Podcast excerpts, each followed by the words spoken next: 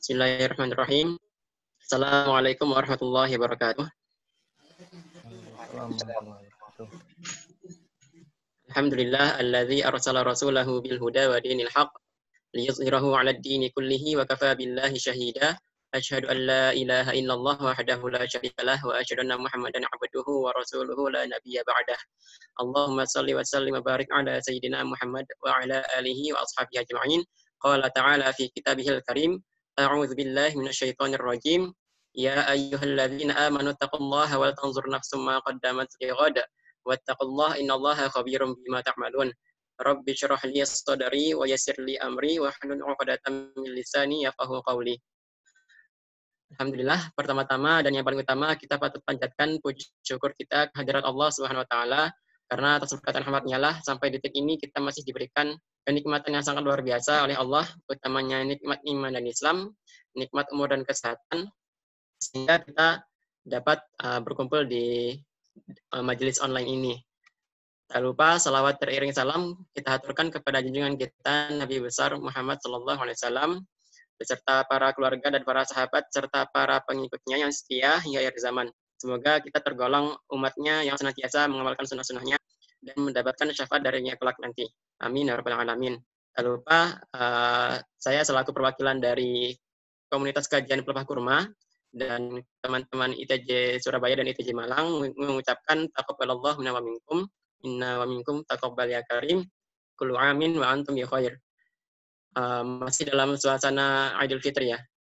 Uh, selanjutnya uh, saya selaku perwakilan dari teman-teman panitia mengucapkan uh, ahlan wasalan uh, wabillahi khusus kepada Ustadz kita semua, uh, Ustadz Ahmad Khalili Hasib, yang insya Allah akan uh, menjadi pemateri kita uh, melanjutkan darah rutin kita, yaitu darah salah untuk kaum muslimin, karya Prof. Syed Muhammad Alatas. Uh, di pembahasan sebelumnya kita sudah membahas uh, perenggan 31 dan insya Allah kita akan melanjutkan uh, perenggan 31 nggih Ustaz untuk yang pertemuan malam ini. Oke. Langsung saja tanpa perlu berlama-lama lagi, uh, saya persilakan monggo Ustadz untuk langsung menyampaikan materinya.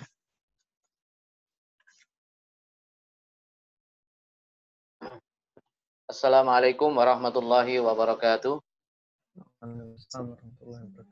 Bismillah walhamdulillah wassalatu wassalamu ala rasulillah wa ala alihi wa sahbihi wa man wala la haula wa la quwwata illa billah.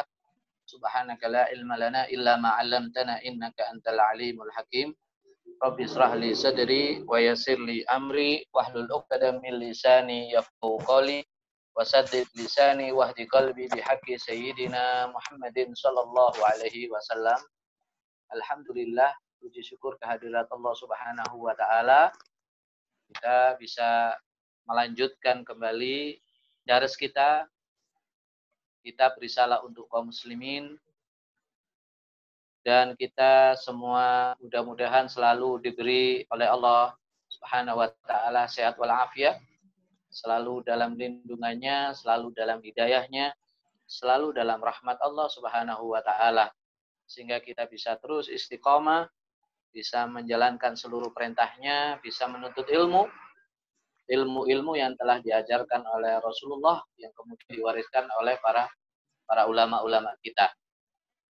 Yang kedua, masih dalam suasana Idul Fitri, saya secara pribadi mengucapkan taqabbalallahu minna wa minkum taqabbal ya karim kullu amin wa antum bi khair. Allahumma ja'alna minal a'idin wal faizin wal maqbulin. Mohon maaf lahir dan batin. Mudah-mudahan Allah Subhanahu wa taala menerima seluruh amal ibadah kita, mulai zikirnya, baca Al-Qur'annya, salat-salatnya pada bulan Ramadan sehingga kita mendapatkan predikat dari Allah sebagai orang yang bertakwa. Amin ya rabbal alamin. Eh, teman-teman, uh, kajian risalah untuk kaum muslimin kita akan melanjutkan pada perenggang 31 ya yang kita telah baca ya pada beberapa pekan yang lalu di bulan Ramadan ya itu Prof. Alatas menjelaskan tentang eh, karakter atau sifat-sifat dari agama Kristen yang nanti itu berbeda dengan agama Islam. Di antaranya beliau menjelaskan bahwa agama Kristen ini telah dipengaruhi oleh peradaban barat. Yaitu satu agama yang terbaratkan. Bukan sebaliknya agama bukan sebaliknya yaitu peradaban barat terkristenkan. Karena banyak pengaruh-pengaruh dari unsur-unsur kebudayaan barat yang mempengaruhi agama Kristen. Agama Kristen dipengaruhi oleh filsafat Yunani, dipengaruhi oleh tradisi-tradisi Romawi, tradisi-tradisi bangsa Jerman, tradisi bangsa Persia kuno, bahkan tradisi-tradisi dari bangsa Mesir kuno. Itu ikut mempengaruhi ajaran-ajaran agama Kristen. Termasuk juga yang pasti adalah tradisi atau kebudayaan-kebudayaan bangsa-bangsa Eropa secara umumnya. Ini mempengaruhi agama. Sehingga kemudian agama ini mengalami satu fase evolusi yang disebut evolusi. Evolusi ini menyangkut teologi. Evolusi menyangkut aspek-aspek yang fundamental,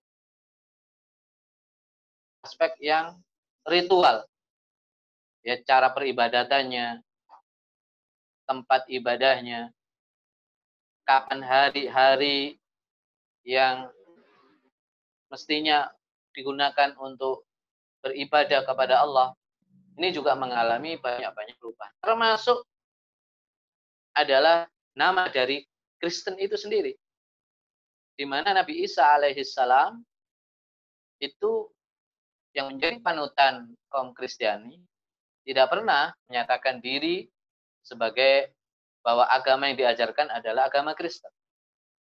Kalau kita mempelajari sejarah agama-agama, khususnya sejarah agama Kristen, sebagaimana dijelaskan oleh Prof. Alatas pada perenggang yang lalu, pada pembahasan yang lalu masih dalam perenggang 31, bahwa Nama Kristen itu tidak diberikan oleh Nabi Isa. Tidak diberikan oleh Allah Subhanahu wa taala. Bahkan juga tidak diberikan oleh para para rahib-rahib, para pendeta-pendeta Kristen. Tetapi agama ini diberikan oleh orang-orang luar Kristen. Yang pada zaman dahulu itu menjadi rival daripada agama Kristen. Itu memberi label kepada ajaran yang dibawa oleh yang diwariskan oleh Nabi Isa ini adalah dengan nama Kristen. Artinya ini satu nama ya yang diberikan oleh orang lain. Bahkan diberikan bukan dari kalangan mereka sendiri. Yang memberi nama adalah kelompok-kelompok atau kaum yang di luar agama mereka. Kemudian salah satu sifat daripada agama Kristen itu sendiri adalah perubahan-perubahan itu. Karena kitab Injil sendiri, kitab yang, kitab yang diturunkan oleh Allah kepada Nabi Isa, itu tidak mendapatkan jaminan dari Allah tentang keasliannya, itu juga mengalami perubahan, mengalami reduksi, tambahan, pengurangan, atau istilah istilahnya adalah tahrif. Banyak sekali tahrif-tahrif yang dilakukan oleh para pendeta, para rahib-rahib mereka. Yaitu kalau kita baca sejarah agama Kristen gitu ya. Sehingga kemudian ya di sini dikatakan bahwasanya bahwa agama Kristen dalam menempuh sejarah mencari sifat yang menjelmakannya sebagai agama yang kini wujud di hadapan kita ini mengalami perkembangan dalam tanda kutip dan pembangunan dalam arti kata yang lain. Perkembangan dan pembangunan ya, itu adalah tahrif. Apa itu tahrif? Tahrif itu adalah perubahan-perubahan ajaran agama. Perubahan-perubahan aspek-aspek yang fundamental dari satu agama. Bahkan tahrif itu sampai pada kitab sucinya. nah, ketika ajaran agama mengalami tahrif, yang kita sebut tahrif itu, maka ini oleh bangsa barat itu dinamakan apa? Dinamakan mengalami perkembangan. Dalam arti juga mengalami kemajuan. Jadi kemajuan itu maknanya tidak seperti yang dimaknai dalam konsep Islam nanti yang akan dijelaskan oleh Prof. Alatas. Nah, sehingga hakikat pengalaman pembangunan ini konsep pembangunan, konsep perubahan, konsep kemajuan itu sama sekali berbeda dengan apa yang dipahami oleh dalam agama kita, agama Islam. Jadi menurut Prof. Alatas, kebudayaan barat itu menayangkan sifat kelazim kelazimannya, sifat kepastiannya. Jadi peradaban barat itu senantiasa menjadi ongoing, senantiasa menjadi tetapi juga tidak jadi. Karena apa? Sebagaimana yang telah dijelaskan para perenggang yang lalu, tujuan hidupnya tidak jelas Ya, kalau kita sudah pasti setelah kita hidup di dunia ini, maka kita beralih alam. Ya. Ada kehidupan setelah kehidupan di dunia ini. Setelah kita hidup di dunia, masih ada kehidupan nanti. Dan tujuan akhir kita adalah akhirat. Dan itu adalah kepastian, keyakinan yang pasti, yang kot'i, yang yakini. Yang wajib bagi tiap muslim untuk meyakini. Nah, masyarakat barat atau peradaban barat tidak punya keyakinan seperti itu, sehingga selalu menjadi, mencari-cari. Nah, karena selalu mencari-cari itulah yang membuat mereka tidak bahagia. Tidak tetap. Sesuatu yang tidak tetap. Apa yang diyakini hari ini, belum tentu diyakini pada hari esok. Inilah sifat-sifat di antara sifat-sifat peradaban barat seperti itu. Ini yang mempengaruhi konsep kemajuan, konsep pembangunan. Ya. Yang disebut konsep development. Apa yang disebut maju, apa yang disebut maju, apa yang disebut pembangunan itu bagaimana? Lalu bagaimana dengan pandangan Islam? Nah, pandangan Islam sudah jelas dalam surat Al-Maidah ayat 3. A'udzu billahi minasyaitonir rajim al-yauma akmaltu lakum dinakum wa atmamtu alaikum ni'mati wa raditu lakumul islam madina. Pada hari ini kata Allah Subhanahu wa taala, akmaltu lakum, aku telah sempurnakan kepada engkau. Jadi sempurna. Kalau sudah sempurna itu sudah sampai pada tahap yang puncak, sudah selesai. Bukan ongoing proses, proses menjadi tidak akmaltu itu yang menyempurnakan adalah Allah. Apa yang disempurnakan dinakum. Al al yauma akmaltu lakum dinakum. Agama kamu telah aku sempurnakan. Artinya sudah selesai agama ini. Sudah final. Ya. Wa asmamtu alaikum ni'mati wa raditu lakumul Islam madinah. Pada ayat ini Allah Subhanahu wa taala menyebut agama yang diajarkan oleh Nabi kita Muhammad sallallahu alaihi wasallam itu dengan al-Islam. Inilah satu-satunya agama yang disebut yang diberi langsung oleh Allah Subhanahu wa taala. Nah, ajaran agama-agama Nabi terdahulu tidak mendapatkan nama ini. Meskipun mereka disebut muslim dalam ayat Al-Qur'an, maka Ibrahimu Yahudiyan wala Nasraniyan walakin ha walakin kana hanifan musliman. Maka ini muslim. Nabi Ibrahim pengikutnya, Nabi Musa, Nabi Isa, semuanya muslim pada zaman itu. Tetapi muslim ini adalah sebutan Al-Qur'an. Mungkin pada zaman itu sebutannya yang lain-lain. Karena bahasanya juga bukan bahasa Arab. Bahasa yang digunakan Nabi Isa, bahasa yang digunakan oleh Nabi Musa, Nabi Ibrahim itu bukan bahasa Arab. juga tidak ada kepastian apakah mereka itu menggunakan terminologi, terminologi muslim sebagaimana Al-Qur'an atau mereka punya terminologi sendiri yang itu muradif, sinonim dengan muslim. Ataukah mereka memang disebut muslim? Ini juga kata Prof. atas dalam satu kuliahnya, dalam satu pidatonya pada bulan Februari yang lalu, itu juga belum ada kepastian. Tetapi yang ada kepastian itu adalah al-Islam. Keistimewaan Islam itu langsung diberikan oleh Allah Subhanahu wa taala. Dan kata ini belum digunakan oleh bangsa Arab sebelumnya. Inilah keistimewaan dari nama al-Islam itu sendiri. Islam, al-Islam itu bahasa Arab. Aslama yuslimu islaman. Tetapi bangsa Arab itu belum menggunakan kata ini sebelum. Lebih-lebih digunakan untuk untuk satu agama. Tidak digunakan. Ini istimewanya Islam. Tetapi ini kata digunakan oleh Allah untuk menyebut satu ajaran yang dibawa oleh nabinya Nabi Muhammad Shallallahu Alaihi Wasallam. Nah ini sebagaimana juga nama Muhammad Nama Muhammad ini sangat istimewa sekali. Belum ada bangsa Arab sebelumnya yang bernama Muhammad kecuali Nabi kita. Setelah Nabi kita, Nabi Muhammad Sallallahu Alaihi Wasallam. Kata ini bahasa Arab. Hamada yuhammidu tahmidan. Orang Arab paham. Orang Arab sebelum Islam mungkin paham.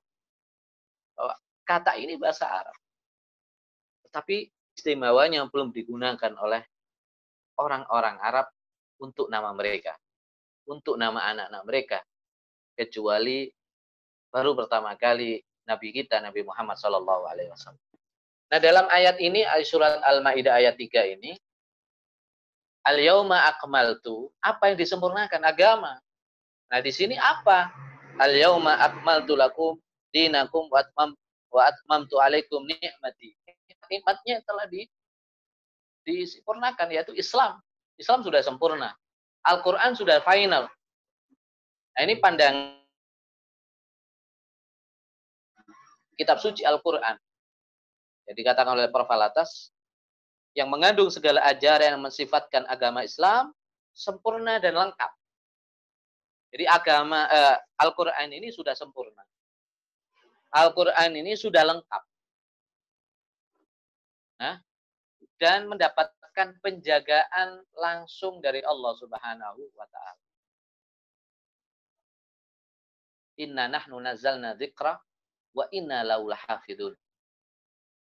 Wa inna lahafidun.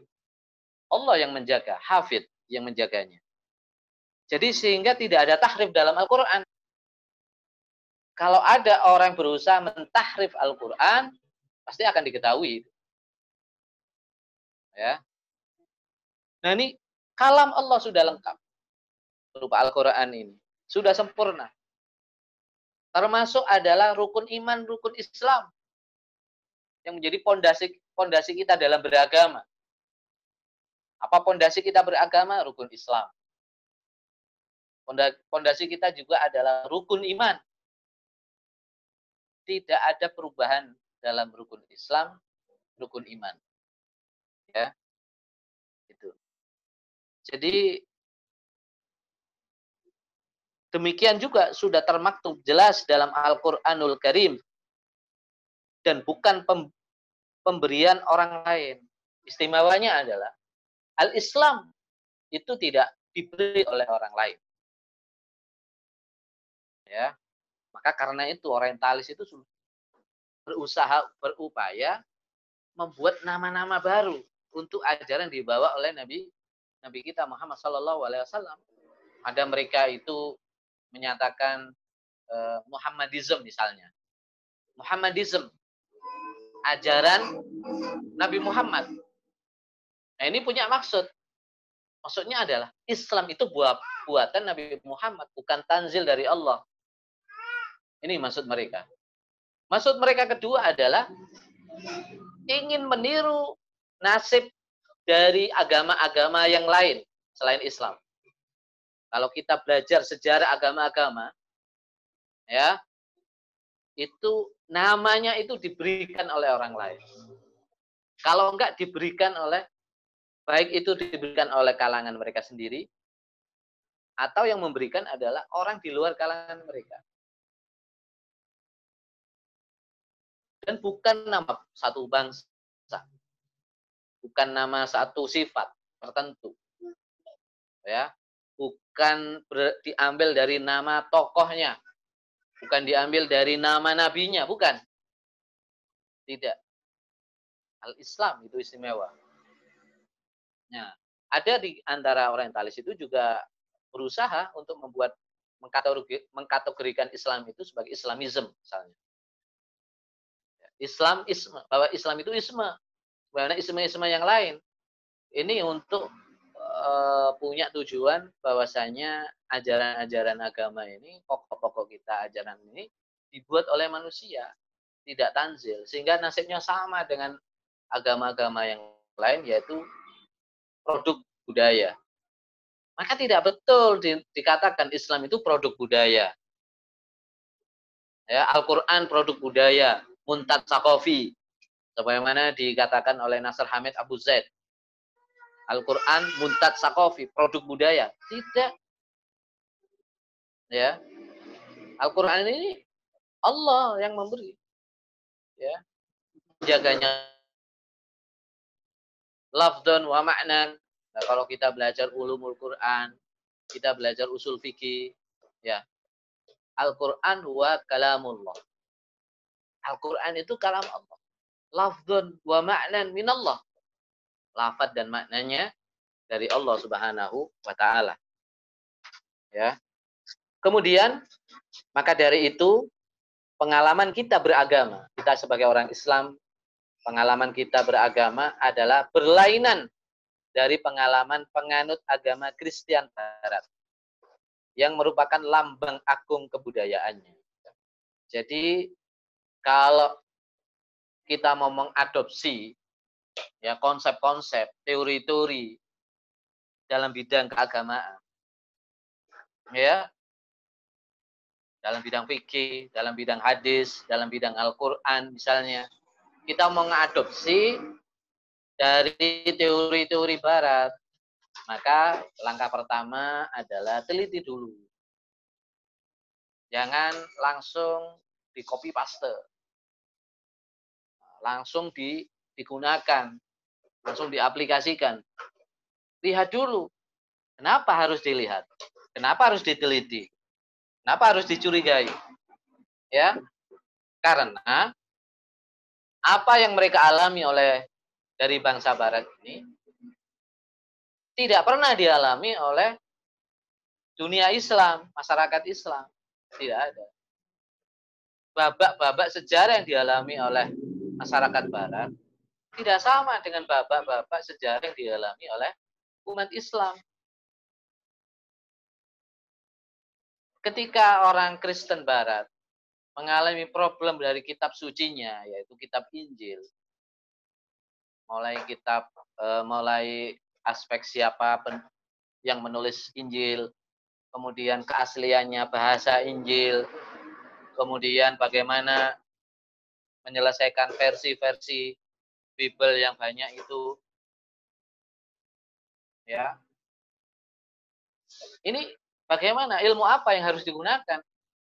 Maka mereka menggunakan pendekatan mengadopsi dari orang Yunani kuno yaitu hermeneutika. Nah Islam punya nggak pengalaman yang sama dengan kitab sucinya yaitu Al-Quran?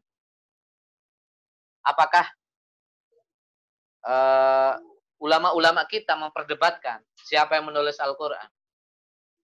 Apakah ulama-ulama kita memperdebatkan keaslian bahasa Al-Quran? Tidak ada. Bahasa Al-Quran adalah bahasa Arab sejak diturunkan itu berbahasa Arab sampai sekarang kita membaca Al-Qur'an dengan bahasa bahasa Arab. Itu berbeda dengan kitab Bible. Ketika orang Kristen sekarang membaca Bible itu dengan berbagai bahasa. Orang Madura Ya. Ya, Bibelnya bahasa Madura. Orang Jawa Bibelnya Madura. Ya. Orang Indonesia Bibelnya bahasa Indonesia. Ya. Orang Arab Bibelnya bahasa Arab. Orang Inggris Bibelnya bahasa Inggris. Apakah mereka ini satu dalam satu bahasa juga tidak ada. Tapi berbeda dengan Islam. Di mana pun Al-Quran, kalau disebut membaca Al-Quran, tilawatul Al-Quran, mau muslim di Amerika, mau muslim di Inggris, mau muslim di Arab, atau muslim di Nusantara, semuanya bahasa Arab. Semuanya sama. Ketika sholat juga sama. Orang Amerika, Muslim Amerika, Muslim Inggris, orang Eropa, orang Jawa, sama. Tidak ada yang berbeda. Ya. Sholat ketika zaman Rasulullah dengan sholat ketika zaman sekarang itu juga sama. Bayangkan. Ibadah di masjid ketika zaman sahabat, sholat Jumat pada zaman sahabat, dengan sholat Jumat pada zaman sekarang juga sama. Bedanya masjidnya aja itu. Dulu enggak ada, enggak ada apa?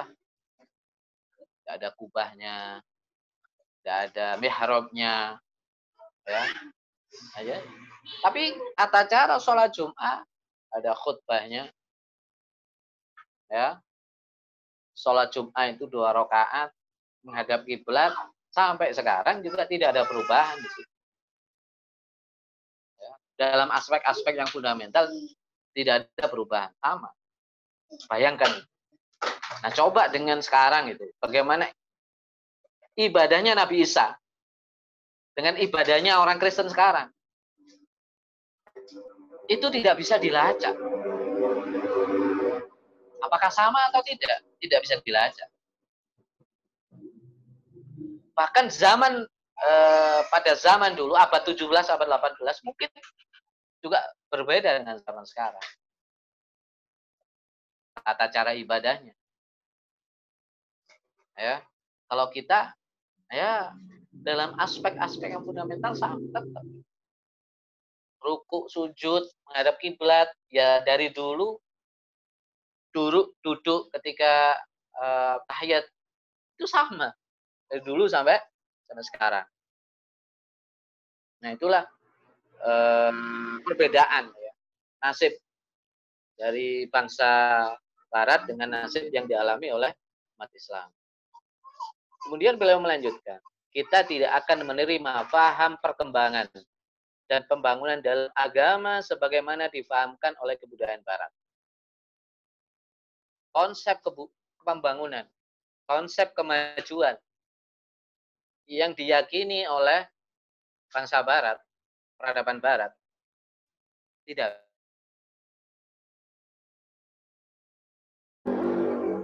bisa diterapkan dalam agama kita. Ya.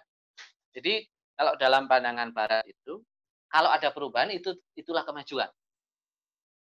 Kalau ada perkembang perubahan daripada agama agama mereka ada evolusi agama maka itu disebut kemajuan. Maka perubahan itu adalah kemestian bagi mereka. Nah, tidak semestinya itu berlaku dalam agama kita, agama Islam. Ya. Laqad khalaqnal insana fi ahsani taqwim. Allah Subhanahu wa taala berfirman, sesungguhnya kami telah menjadikan manusia fi ahsani taqwim. Dalam bentuk yang dalam acuan yang terbaik di sini. Terjemahan Prof. Alatas, takwim itu acuan. Acuan yang ter, acuan yang terbaik. Maksudnya di sini acuan sudah lengkap. Akal kita itu sudah mampu untuk menerima kebenaran. Ya. Dan segala perkembangan pembangunan dan kemajuan yang akan dan harus ditempuhnya justru merupakan evolusi ruhania juga dan bukan evolusi jasmania. Jadi dalam pandangan agama kita, agama Islam, ya, kemajuan agama nanti Prof. Latas akan menjelaskan juga di di sini. kemajuan itu merujuk kepada diri. Pada diri dulu. Perubahan itu merujuk pada diri dulu. Ya. Tapi perubahan apa yang dimaksud? Yang dimaksud adalah perubahan rohani, bukan perubahan jasmani. Nah, rohani kita selalu dinamis ini. Ya, selalu dinamis. Jasmani itu pasti berubah. Pasti berubah. Tetapi kalau ada perubahan jasmani, itu tidak bisa dinilai sebagai sebuah kemajuan. Ya. Lalu apa kemajuan itu? Dalam konsep pandangan Islam. Apa yang dimaksud perkembangan dalam konsep pandangan Islam itu? Ya. Dengan kenyataan ini, tiada menafikan bahwa perubahan dan perkembangan dan pembangunan, pembangunan itu berlaku di alam sekeliling kita. Ya, alam alam ini selalu berubah. Termasuk kita juga selalu berubah. Tetapi yang tidak berubah dalam pandangan Islam dan tidak boleh diubah, yang pertama apa? Pandangan hidup. Pandangan hidup atau Islamic worldview bersifat tetap. Ya. Tidak boleh ada perubahan pandangan hidup. Kemudian adalah tujuan hidup. Tujuan hidup kita orang Islam, orang beriman pasti qot'i. Ya. ya. tidak tidak ada perubahan di situ. Kemudian eh, iman. Ya, Iman, konsep iman tidak boleh diubah-ubah. Diganti. Ya. Kemudian panutan. Nah, yang menjadi panutan kita adalah yang pertama adalah Rasul Rasulullah Shallallahu Alaihi Wasallam. Tidak berubah. Para sahabatnya, Khulafaur Rasyidin yang empat. Ya. Tidak boleh berubah. Ya. Kemudian Al-Quran itu juga panduan kita, acuan kita, imam kita. Tidak ada perubahan. Kepercayaan, ya. Ini hal-hal aspek-aspek yang tidak boleh berubah. Nah, kalau pandangan hidup Islam itu beserta elemen-elemennya itu bersifat tetap. Konsep Tuhan, konsep wahyu, Al-Quran, ya, konsep manusia, konsep ilmu, konsep alam, konsep jiwa. Nah, ini semua konsep kebahagiaan, semua tidak ada tidak boleh ada perubahan-perubahan. Ya. Nah, yang dimaksud kemajuan seorang manusia disebut maju adalah jika terjadi perubahan pada ruhani. Dalam arti bahwa ruhaniyahnya itu naik. Nah, itu baru maju. Kalau ruhanianya itu tetap, maka tidak ada perubahan. Tidak ada kemajuan. Kalau nilai eh, tingkat ruhanianya itu adalah menurun, maka itu disebut kemunduran. Pada faham Islam, perubahan dan perkembangan dan pembangunan itu merujuk kepada diri dan berarti pemulihan kepada kemurnian asali ajaran agama. Kalau kita bicara bahwa kalau dikatakan bahwa yang dimaksud kemajuan dalam pandangan Islam itu jika ruhani diri manusia, ruhani jiwa manusia itu naik, itu disebut maju, terjadi perubahan ya, naik, ya berarti berubah, itulah kemajuan bagaimana sebetulnya arah ruhani kita yang semestinya. Nah, berkali-kali Prof. Alatas menjelaskan. Sering diulang-ulang oleh beliau. Apa yang disebut alam alastu. Ya. Ya kita masih ingat. Ya. Itu dijelaskan oleh Allah dalam Al-Quran surat Al-A'raf ayat 172 alastu berabbikum qalu bala syahidna. Perjanjian manusia kepada Allah. Ya satu perjanjian suci. Orang beragama itu itu ada dalam rangka mengembalikan ruhani manusia, jiwa ruhani manusia kepada keadaan seperti ketika di zaman alas. Sudah kita pelajari, sudah kita jelaskan zaman alas itu bagaimana. Jadi ini tujuan tujuan beragama kita itu arahnya nanti ke sana. Jadi naik spiritualnya ya sampai pada zaman seperti ya seperti pada keadaan zaman Alastu ya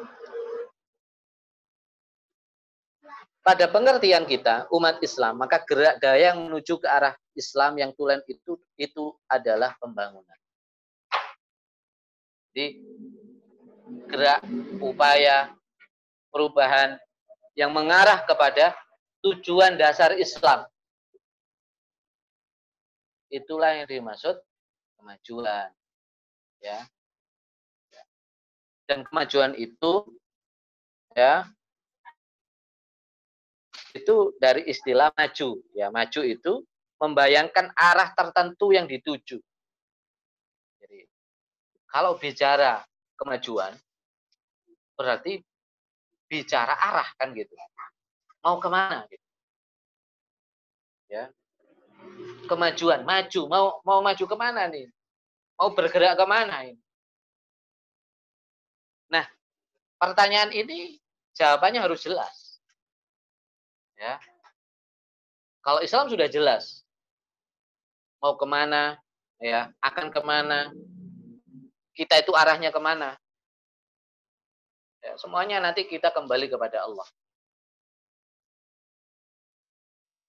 Nah, baru-baru ini Profesor Wan Muhammad Nur yang menerbitkan buku ya berupa kumpulan puisi yang berjudul Jalan Pulang itu menarik itu diilhami dari kata inna lillahi wa inna ilaihi roji'un. Jalan pulang.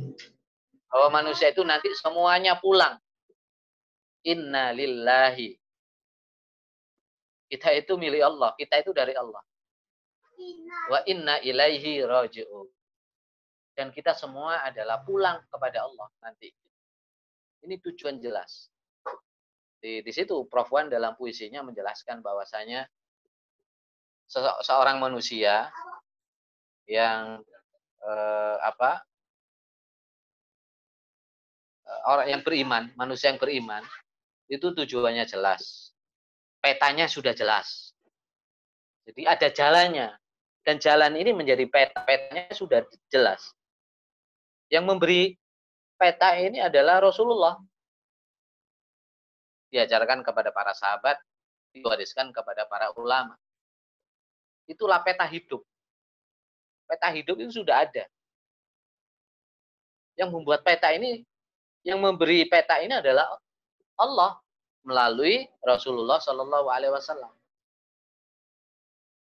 Nah, kalau orang mau maju, ya, ya, itu tujuannya harus jelas. Anda mau maju, mau ke mana majunya kan gitu. Kalau maju, tetapi tujuannya tidak jelas, apakah ini kemajuan? Misalnya ini, di ruangan yang gelap, tidak ada cahaya. Silakan maju. Orang itu nggak bisa maju, masih meraba-raba. Nah, gambaran yang terjadi di dalam masyarakat, masyarakat barat itu adalah mereka ingin maju, tapi dalam kegelapan. Sehingga meraba-raba, menduga-duga. Maka konsep teorinya itu selalu, kalau enggak bukan don adalah syak. Kalau bukan prasangka, maka keraguan. Spekulasi. Ya, mereka dilingkupi perasaan don. Don itu adalah prasangka-prasangka. Tidak pasti. Dan syak ragu-raguan. Nah, ini mempengaruhi ilmu pengetahuan mereka. Ya, konsep-konsep ilmu pengetahuan mereka seperti itu. Justru kalau zon dan syak itu menurut pandangan barat itu ilmiah. Kalau nggak zon, kalau nggak syak tidak ilmiah. Nah, ini sudah berbeda konsep ilmiah dalam pandangan barat dengan konsep ilmiah dalam pandangan Islam. Nah, kalau orang itu mau mempelajari sesuatu, kemudian ragu dulu, atau dilingkupi prasangka-prasangka dulu, don dulu. Apakah nanti itu sampai pada tujuan yang jelas? Tidak sampai. Hasilnya adalah keraguan-raguan. Sebagaimana yang telah pernah ditulis oleh Dr. Samsudin Arif, dia awali keraguan-raguan, maka diakhiri dengan hasil keraguan-raguan juga. Kalau mereka meneliti agama, ya diliputi keraguan-raguan, hasilnya tetap ragu. Meneliti Nabi Muhammad misalnya. Meragukan Nabi Muhammad, hasilnya juga ragu-ragu. Maka banyak di antara mereka yang ahli sirah, ahli sejarah. Mereka sangat cakap ketika menceritakan kehidupan Nabi, sejarah Nabi. Mereka hafal sekali. Tetapi apakah mereka beriman? Tidak beriman. Ragu, malah ragu seperti itu. Jadi seperti itu. Nah, dalam pandangan Islam itu merujuk kemajuan itu kemajuan ruhani. Kalau ruhaninya naik, maju, nah, dan itu sudah pasti. Maka itu disebut kemajuan. Dan itu dimulai dari diri. Kemajuan itu diri. Kalau pribadi ini maju, maka masyarakat maju. Bukan dimulai bukan dimulai dari masyarakat, tapi dimulai dari diri sendiri. Sebagaimana pada perenggangan 30 atau 29 kemarin, tentang paham individualisme Islam. Itu paham yang bertumpu pada pada dirinya itu. Ya. Maka kemajuan yang dimaksudkan adalah gerak daya mencapai tujuan yang tetap. Tujuannya tetap kita, tidak berubah. Kita itu menuju kepada Allah, kembali kepada Allah, tetap. Kita itu nanti kembali kepada uh, kita itu nanti dikembalikan oleh Allah di akhirat tetap itu. Ya. Dan jelas dalam jangka hidup seseorang diri. Ya kemajuan itu menuju ke arah yang jelas dan kot'i dan pasti gitu. Karena landasannya adalah dasarnya adalah kepastian. Jadi pembangunan inilah pembangunan ketika kita bicara pembangunan ya apa yang dibangun? Pembangunan manusia. Apa yang harus dibangun manusia? Apakah kulitnya, fisik kita dibangun? Tidak. Pembangunan manusia itu adalah membangun ruhani. Ruhani yang dibangun. Dan itu kita memiliki dasar yang tetap. Sebab sesuatu yang dikatakan dasar kata Prof. Alatas adalah sesuatu yang tetap. Kalau landasan itu berubah-ubah, maka bisa bisa hancur sesuatu itu. Tetap tidak berubah, teguh, kokoh. Ya. Tetap dan kokoh. Bukan kemenjadian. Ya, kalau kemenjadian itu kan tidak tetap. Salah ada eh, ada potensi untuk berubah. Ya, di situ. Dan menjadi dasar pembangunan yang menjadi dasar pembangunan, pembangunan itu adalah unsur dinamik ruhani manusia. Nah ini unsur pembangunan manusia. Yang senantiasa merujuk kepada diri yang berubah menuju ke arah kesucian ruhani. Nah ini. Jadi yang dimaksud pembangunan diri ruhani adalah menuju kepada kesucian ruhani. Apa yang dimaksud ini? Prof. Alatas ingin memasukkan bahwa supaya manusia itu kembali kepada zaman alastu. Keadaan ruhaninya kepada zaman alastu. Di zaman itulah kondisi ruhani manusia itu terbaik, dalam kondisi terbaik itu kata beliau. Dalam kondisi yang sangat ideal manusia itu. Ya. Kesucian ruhani mengikuti kadar yang ada padanya adalah diri yang membangun yang dinamis. Inilah eh, bagaimana kita apa membangun diri, menruhani diri, kita meniru sifat-sifat ya, sifat-sifat dari Allah Subhanahu wa taala. Ada sifat-sifat dari Allah yang harus ditiru dan harus uh, ada sifat-sifat yang tidak bisa ditiru Ya. Rahman, Rahim. Kita bisa berkasih sayang, berbelas kasih. Ya, sebagaimana Allah juga berbelas kasih ilmu. Allah berilmu, kita berilmu. Ya. Dan sebagainya. Itu cara membangun manusia itu membangun rohaninya dan itu kemajuan. Sehingga kalau dipandang dari konsep ini, maka barat itu tidak maju. Manusianya tidak maju. Tidak ada kemajuan. Itu kemajuan dari aspek fisik jasmani yang sifatnya rapuh sementara. Tidak tetap seperti itu. Saya kira itu wallahu alam eh, bagian kedua dari perenggangan 31 ya. ya. Kita melanjutkan perenggangan 31. Saya kira itu mudah-mudahan bisa dipahami, ada manfaatnya. Assalamualaikum warahmatullahi wabarakatuh. Waalaikumsalam warahmatullahi wabarakatuh. Uh, jazakallah jazakallah Ustaz atas ulasan uh, sebagian peranggan 31. Nah, baik kita langsung masuk ke sesi tanya jawab bagi teman-teman yang ingin uh, bertanya dipersilakan untuk menggunakan fitur raise hand Uh, tapi jika teman-teman tidak memungkinkan untuk menggunakan fitur raise hand, silakan teman-teman tanyakan langsung uh, via chat dengan format nama, asal, dan pertanyaan. Ya. Kepada teman-teman dipersilakan bagi yang ingin bertanya, uh, silakan menggunakan fitur raise hand.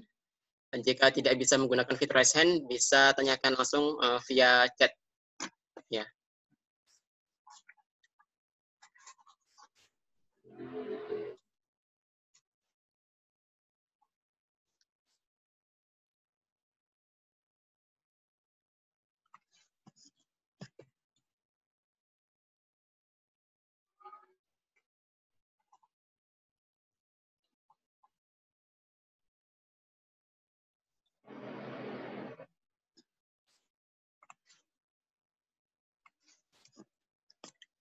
Barangkali teman-teman kalau uh, tidak bisa menggunakan fitur raise hand-nya bisa langsung tanyakan ke via chat agar uh, bisa saya sampaikan pertanyaannya uh, ke Ustadz Khalili.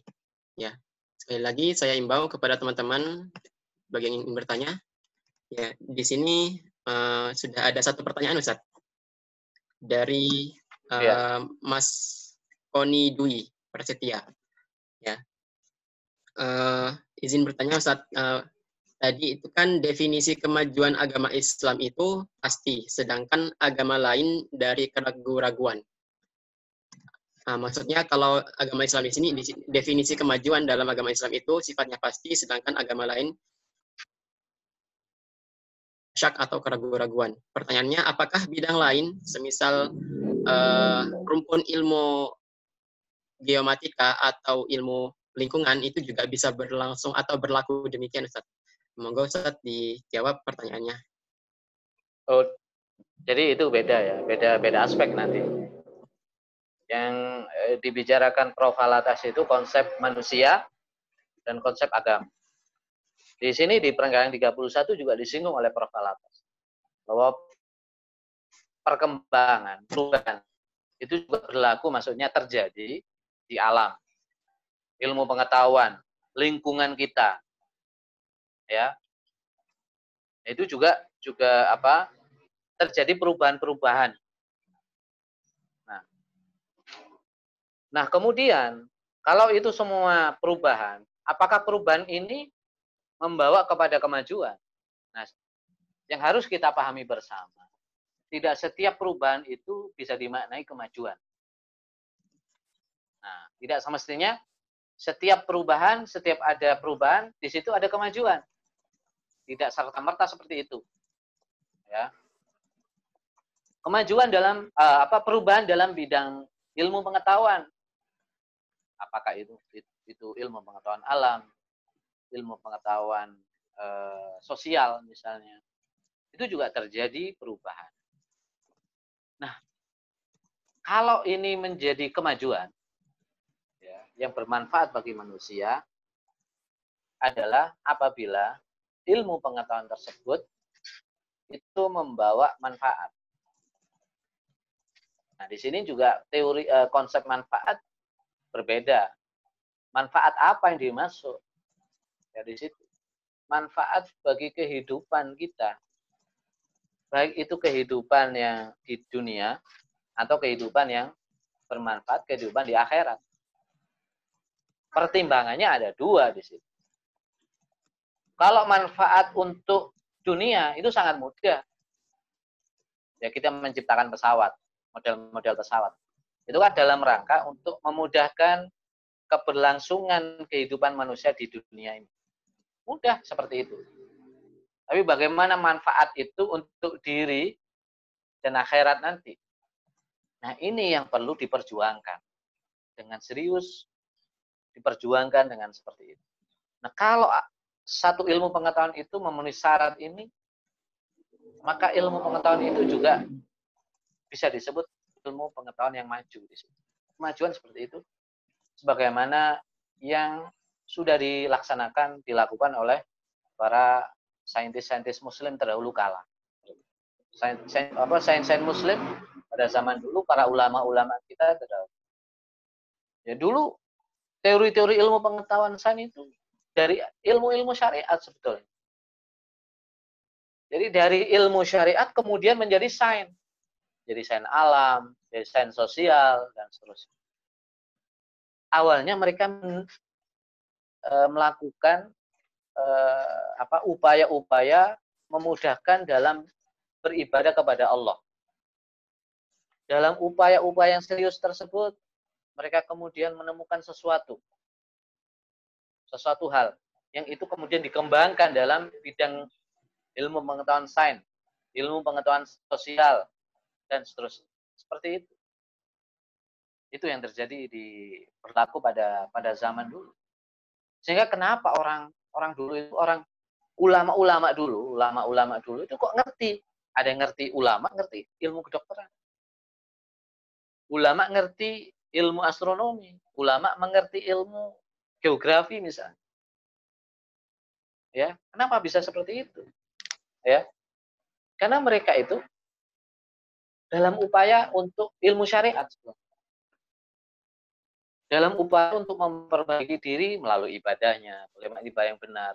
Ketika mereka punya kendala, mereka berupaya untuk mencari solusi-solusi.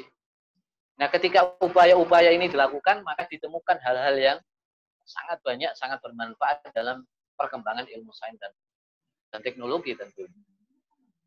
Teori atom. Dari para mutakalim seperti teori atom. Ya, salah satu contoh Allah alam. Uh, baik, uh, sudah terjawab untuk pertanyaan yang pertama. Uh, di sini ada pertanyaan yang kedua, Ustadz. Jadi uh, pertanyaannya disampaikan oleh uh, saudara Ferdi dari Solo. Uh, izin bertanya, Ustadz. Assalamualaikum. Uh, berkaitan dengan risalah untuk kaum muslimin, yang kemudian beberapa hal dalam buku ini Perfalatas perjelas dalam bukunya Islam dan Sekularisme yang ingin saya tanyakan, untuk memahami isi kedua buku ini, saya ingin minta rekomendasi buku-buku yang sekiranya dapat membantu saya memahami pemikiran Perfalatas, selain saya mengikuti kajian-kajian pembahasan buku-buku Perfalatas oleh Syed Muhyiddin Alatas maupun Prof. Wan. Nah, jazakallah khair. Nah, monggo Ustaz bisa langsung dijawab pertanyaannya. Ya, sebagaimana yang pernah saya uh, uh, apa, terangkan ya, memang Islam dan sekularisme ini awalnya dari risalah kaum muslimin. Ya. Ketika itu Prof. Alatas menulis risalah untuk kaum muslimin dalam bahasa Melayu. Ternyata tidak banyak respon, baik sarjana Melayu, Malaysia, Indonesia, atau sarjana luar, ya, tentunya. Tidak banyak respon. Kemudian Prof. Alatas itu menulis kembali eh, pembahasan-pembahasan dalam risalah kaum muslimin ini ditulis kembali dengan cara yang sistematis tentunya sebagaimana yang kita baca dalam Islam dan sekularisme ya dengan sistematis dengan bahasa Inggris diberi judul dan seterusnya kemudian mendapatkan banyak respon dari para sarjana ya sehingga banyak hal yang sama di situ antara dua buku ini. Untuk memahami dua buku ini, Risalah kaum muslimin, kemudian Islam sekulerisme, juga eh, buku-buku profil atas yang lain. Jadi untuk memahami pemikiran profil atas itu tidak cukup dengan membaca buku, tidak cukup. Ya, membaca buku saja itu bisa salah paham. Kemungkinannya ada dua, tidak paham, ya, atau salah paham, ya seperti itu tidak ngerti atau salah pengertian. Bisa seperti itu. Tidak, sehingga nggak cukup membaca buku tidak cukup. Harus dengan eh, dengan gurunya, ada gurunya harus. Eh, nah, pemikiran-pemikiran Paul Kalatas ini kemudian dijelaskan oleh eh, Prof. Wan. Ya. Di antara ilmuwan atau sarjana yang memahami pemikiran Pervalatas adalah perempuan yang pertama. Jadi sanat itu sanat pertama perempuan.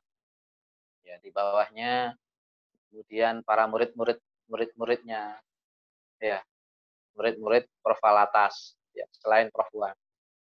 Nah, itu kita belajar dari situ melalui tulisan-tulisannya. Ya. Nah, yang paling mudah untuk tahap awal itu adalah buku yang ditulis oleh Dr. Adian Husaini, Wajah Peradaban Barat. Ya. Hanya saja di situ buku ini hanya pembahasan satu, satu pembahasan, yaitu tentang peradaban Barat. Mulai problematikanya, ya, eh, falsafah hidupnya, kasus-kasusnya itu dibahas, ya di situ. Itu persoalan kan dibahas oleh Prof. Alatas bagaimana dalam risalah kaum muslimin dan Islam dan sekulerisme, persoalan umat Islam itu eksternal dan internal. Nah, persoalan eksternal itu dari berasal dari peradaban barat. nah, itu paling mudah belum sampai ke buku asli dari Profesor Wan atau oh, Prof. Alatas itu adalah bukunya ini wajah peradaban barat. Ya. Dulu saya ketika saya pertama kali saya mempelajari uh, pemikiran Islam, tantangan-tantangan pemikiran Islam saya tahun 2009 itu buku yang paling sering saya baca adalah buku Risalah kaum muslimin dan buku Wajah Peradaban Barat. Dua buku ini saya ulang-ulang seingat saya selama program itu saya selesai membaca Risalah kaum sampai tiga kali. Saya ulang terus-terus. Ya, uh, ulang. Ya, ada kalanya menikmati, sehingga perlu diulang. Ada kalanya tidak paham, sehingga diulangi lagi, diulangi lagi. Situ. Ya. Karena ini buku ini buku dasar untuk memahami persoalan mendasar umat Islam. Ya, jadi kalau Prof. Alatas itu punya buku yang sangat fenomenal yaitu Prologomena, sudah metafisik of Islam. Itu buku yang ditulis dengan pembahasan yang sangat rumit, pembahasan yang kajian-kajian tinggi. Sebelum ke sana kita perlu menapaki dasar-dasar atau landasan dulu. Yaitu risalah kaum muslimin ini. Buku risalah untuk kaum muslimin atau Islam dan sekularisme. Dua-duanya bisa. Ya. Kita selesai baca risalah kaum muslimin belum tentu memahami itu. Belum tentu memahami semuanya ide-ide gagasan gagasan itu. Kita akan mendapatkan pemahaman yang cukup komprehensif. Kita akan mendapatkan pemahaman yang cukup lengkap dan sempurna ya tentang pemikiran atau gagasan ide-ide besar dari Prof. Alatas ketika kita membaca prolegomena Nah, semua pembahasan ini terkait dengan di sana. Ya, apa yang saya jelaskan tentang konsep-konsep ruhani alastu itu juga merujuk ke sana. Juga sama. Nah, selain itu juga uh, buku-bukunya Prof Wan ya. Saya kira mudah lah kalau Prof Wan juga tidak terlalu susah. Saya kira. Misalnya yang menurut saya itu paling uh, bisa direkomendasi adalah buku Prof Wan berjudul Falsafah ya dan Amalan Pendidikan Islam Said Muhammad Naqib Alatas. Itu ada versi bahasa Inggris yang asli. Ada yang pertama ditulis bahasa Inggris. Ada versi bahasa Melayu yang baru terbit diterbitkan oleh Universitas Malaya. Itu juga sudah di uh, Prof Wan merekomendasikan itu. Juga ada yang bahasa Indonesia. Diterbitkan oleh Mizan. Sudah lama terbitnya. Ya, tapi kata Prof Wan, saya tanya sendiri kepada Prof. Wan, ada beberapa istilah-istilah yang tidak tepat ya, di dalam terjemahan bahasa Indonesia. Kata Prof. Wan, lebih baik kalau orang Indonesia baca buku itu adalah versi Melayu. Insya Allah lebih dipahami. Di situ Prof. Wan menjelaskan pemikiran Prof. Alatas tentang pendidikan, tetapi juga dalam aspek-aspek yang cukup lengkap, mulai metafisika, bahas juga. Ya, mulai konsep-konsep Islamisasi, konsep adab, dan konsep manusia, psikologi manusia, konsep kebahagiaan, bahasa, dikutip semua oleh Prof. Prof. Wan. Jadi Prof. Wan ini hampir semua pemikiran Prof. atas ditulis oleh Prof. Wan. Hampir semua. Lengkap sudah. Tentang konsep universitasnya juga sudah. Dan saya kira buku filsafat dan amalan pendidikan ini sangat lengkap. Ya, cukup lengkap bagi kita. Bagi kita yang mau mendalami pemikiran. Lata. Saya buku ini sudah cukup bagi kita. Saya kira mudah kita. Man. Saya ketika menjelaskan isi risalah kaum muslimin juga merujuk ke sana. Merujuk ke bukunya Prof. Wan. Atau merujuk kepada bukunya Prof. Alatas yang lain. Prologomena. Ya itu di sana. Dan ya murid-murid profil atasan banyak.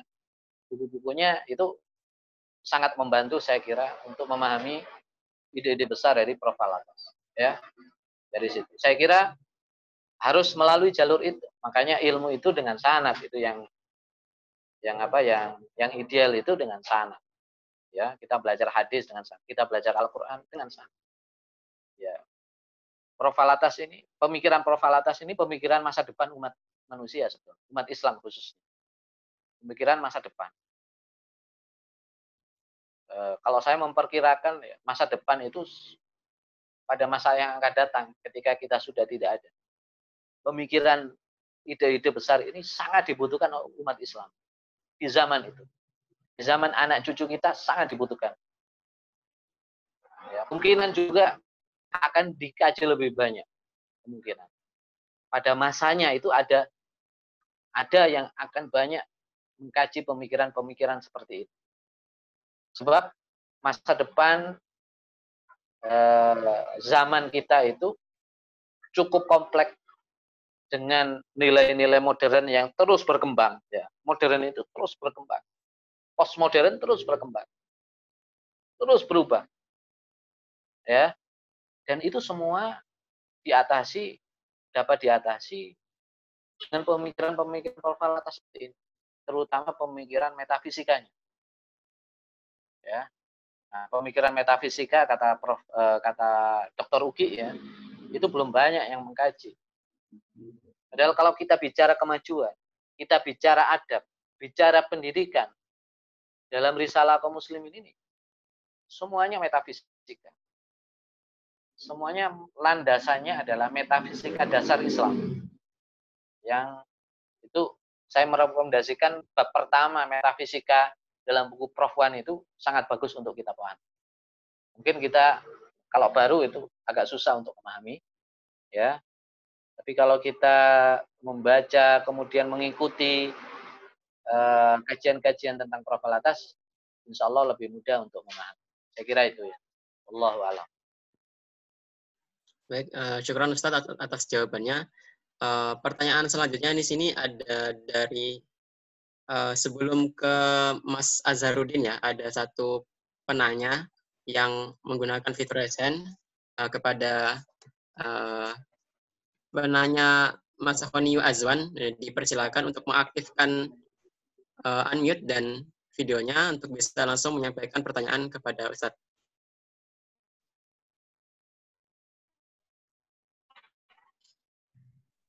Uh, Assalamualaikum Ustaz.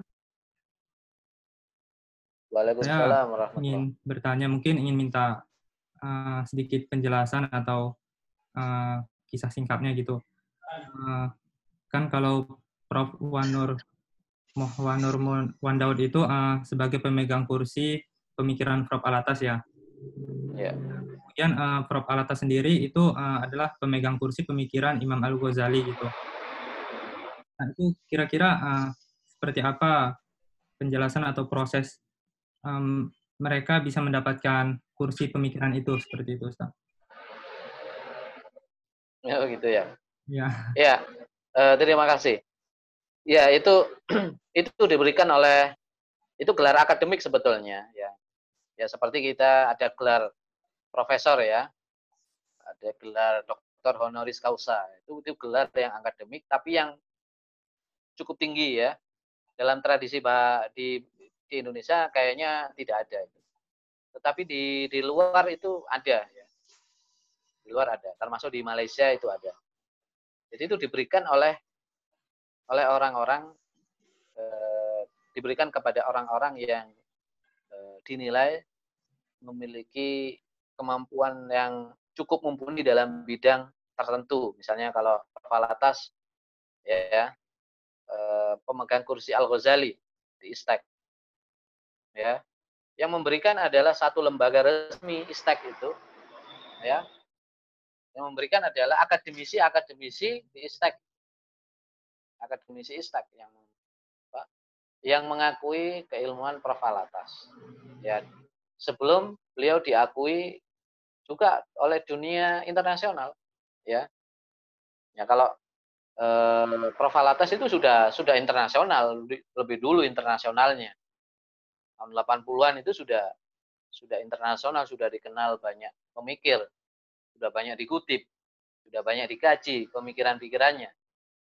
Bahkan Al-Faruqi pun itu sampai meniru gaya eh, meniru islamisasinya eh, mengadopsi islamisasi ya Prof. Alatas meskipun tidak sama kemudian ya itu maksudnya saya ingin mengatakan bahwa sampai di situ pengaruh profil atas. Di dunia barat, di dunia timur itu dia. Nah, khususnya profil atas ini memang bidangnya bidang ketika mengkaji itu ketika konferensi pemikiran Imam Al-Ghazali di Istek. Ya. Di situ mengundang beberapa pakar dunia untuk mempresentasikan paper tentang Al-Ghazali yang muslim, yang non muslim itu presentasi tentang pemikiran Imam Al-Ghazali. Di sambutannya yang kemudian dibukukan itu ditulis Prof. Alatas menjelaskan bahwa apa yang dialami oleh bangsa manusia umat Islam pada zaman ini mirip dengan yang dialami oleh kaum muslimin pada zaman Imam Al-Ghazali. Maka beliau solusinya itu terinspirasi dari Imam Al-Ghazali yang diperbarui yang disesuaikan dengan zaman konteks sekarang. Nah, itulah sebetulnya yang menjadikan beliau diangkat layak untuk memegang kursi Al-Ghazali. Nyaris itu. Adapun proses teknisnya, nah kita tidak tahu seperti itu ya. Itu itu proses yang di sana ya. Kalau. Wan pemegang kursi alatas. Ya. Siapa yang ahli dalam alatas? Orang nomor dua. Nomor pertama ahli alatas di dunia ini. Ya, tidak ada kecuali. Wan. Jadi di dunia Melayu ini mengakui Prof. Wan adalah yang uh, ahli dalam bidang pemikiran Prof. Prof. Alatas karena beliau langsung mulazama. Murid bukan di kelas ya. Jadi murid itu tidak harus di kelas. Justru kadang dengan mulazama itu yang mendapatkan banyak sekali yang tidak didapatkan oleh murid-murid di dalam kelas. Nah, kayak Prof. Wan ini, itu mulazama. Setiap hari diskusi dengan Prof. Alatas. Setiap hari belajar dengan Prof. Alatas. Jadi belajarnya tiap hari. Sehari berapa kali? Itu bisa berkali-kali, tergantung interaksinya. Ya, tidak hanya dalam aspek kognitif, dalam perilaku itu langsung. Ya. Jadi pemikiran-pemikiran Prof. Alatas ide-idenya ini sangat uh, ini termasuk orisinil ya. Ide-ide yang cukup orisinil yang tidak mudah untuk mendapatkan menemukan orang seperti beliau. Cendikiawan muslim yang orisinil ya orisinil. Cukup kokoh kajiannya ya cukup kokoh ya seperti itu. nah tadi kembali kepada proses pemberian gelar itu ya itu kembali kepada lembaga itu ya atau akademisi akademisi di situ yang memberikan gelar seperti itu. Allah alam. Akan uh, waktu semakin malam Ustaz. Mungkin kita batasi sampai dua pertanyaan lagi, nggak apa-apa Ustaz? Iya, ya boleh. Ya. Uh, baik, untuk pertanyaan selanjutnya, ini datang dari Mas Muhammad Azharudin dari Ponorogo. Uh, izin bertanya, Ustaz, tadi Panjenengan sempat menyinggung pernyataan Nasir Hamid Abu Zaid tentang tidak sakralnya Al-Quran. Saya pernah mendengar ceramah dari salah seorang ustadz. Beliau menyatakan bahwa dalam Al-Quran terdapat unsur budaya yaitu dalam penggunaan aksara dan bahasa Arab dalam usaha kodifikasi dalam sebuah kitab pada masa Khalifah Abu Bakar radhiyallahu anhu. Uh, tapi esensi dari Al-Quran itu sendiri menurut beliau merupakan wahyu yang tanzil. Apakah pendapat salah seorang ustadz di atas memiliki kesamaan dengan kerangka Nasr Hamid Abu Zaid? Uh, ya. Ustadz untuk menjawab. Ada samanya, ada tidak samanya di situ. Kesimpulannya sama situ. Bedanya apa? Ketidaksamanya. Kalau Nasar Hamid Abu Zaid itu halus, ya.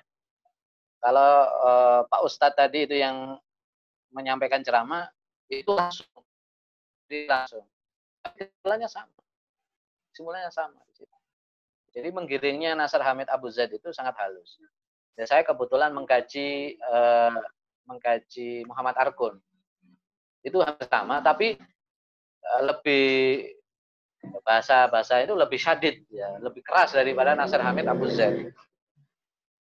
Jadi kalam Allah itu eh, ada wahyu wahyu itu ada dua. Wahyu langit ya istilahnya ada wahyu bumi. Wahyu langit itu kalam Allah yang di laufil mahfud. Semua tidak orang bisa mengetahui. Itu yang asli. Ketika turun di bumi maka itu sudah dicampur oleh budaya manusia gara-gara apa? Alasannya gara-gara berbahasa Arab. Jadi yang dipersalahkan adalah apa? Gara-gara memakai bahasa manusia, yaitu bahasa Arab. Maka Al-Quran dipengaruhi oleh budaya Kalau kita belajar ulumul Quran, justru sebaliknya. Kalau kita eh, belajar sejarah Islam, justru sebaliknya Sebaliknya. Jadi bangsa Arab dipengaruhi oleh Al-Quran zaman itu. Bukan sebaliknya. Bukan sebaliknya uh, Al-Quran dipengaruhi oleh budaya Arab. Lafdhan wa maknan minallah. Lafad dan maknanya itu dari Allah. Nah kebetulan uh, besok ini saya menyampaikan kuliah di Kofi. Mungkin sebagian teman-teman ada yang ikut. Itu nanti saya jelaskan panjang lebar bagaimana pendapat para ulama-ulama ahli uh, ahli kalam, ahli ilmu Al-Qur'an di situ. Yang apa? Uh, menjawab menjawab pertanyaan-pertanyaan keraguan-keraguan seperti ini. Tidak boleh sama sekali. Kalau lafzun wa ma'nan minallah maka tidak boleh kita sekali-kali mengatakan bahwa Al-Quran itu ada unsur budayanya. Gara-gara berbahasa Arab.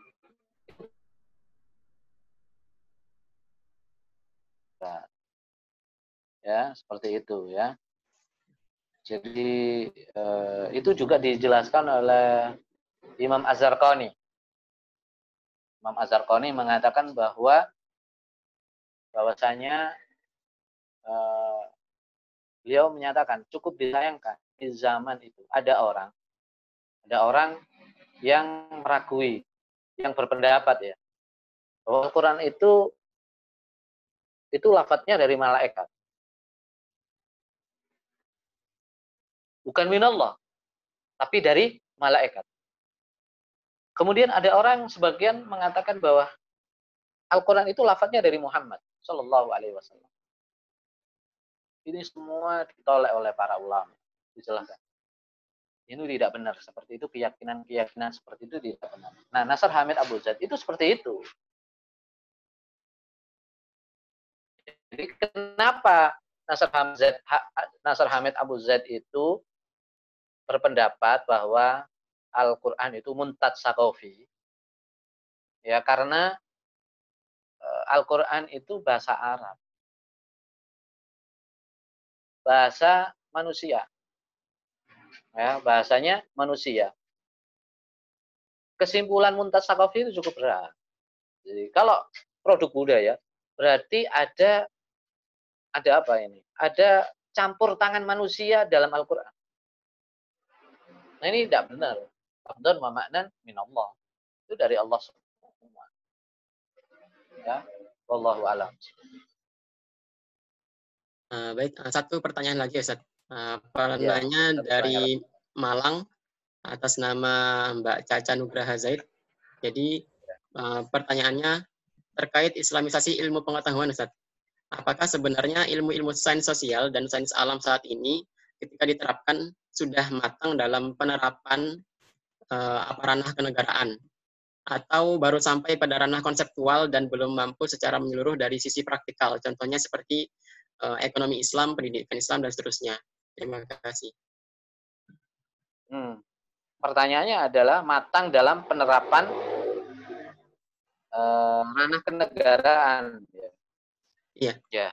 Itu yang bisa menjawab apakah sudah matang dalam ranah kenegaraan. Yaitu yang bisa menjawab ahli-ahli sains lah. Ahli-ahli sains alam, ahli sains sosial. Apakah sudah sudah sudah matang untuk konsep kenegaraan. Tapi kalau kita bicara perspektif pandangan Islam, belum ideal. Ya, tidak ideal seperti itu.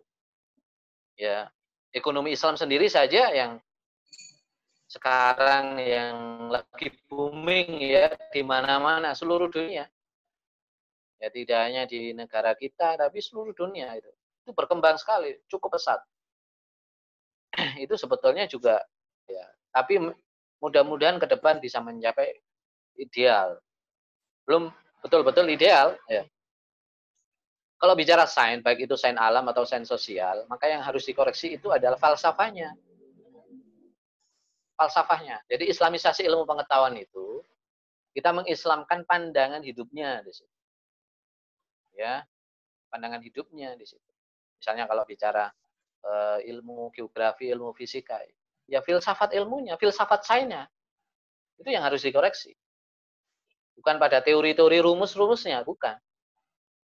Teori rumus-rumusnya kan sudah menjadi produk gitu. Produk ya matematika yang sama. Antara orang Islam dan non-Islam sama saja.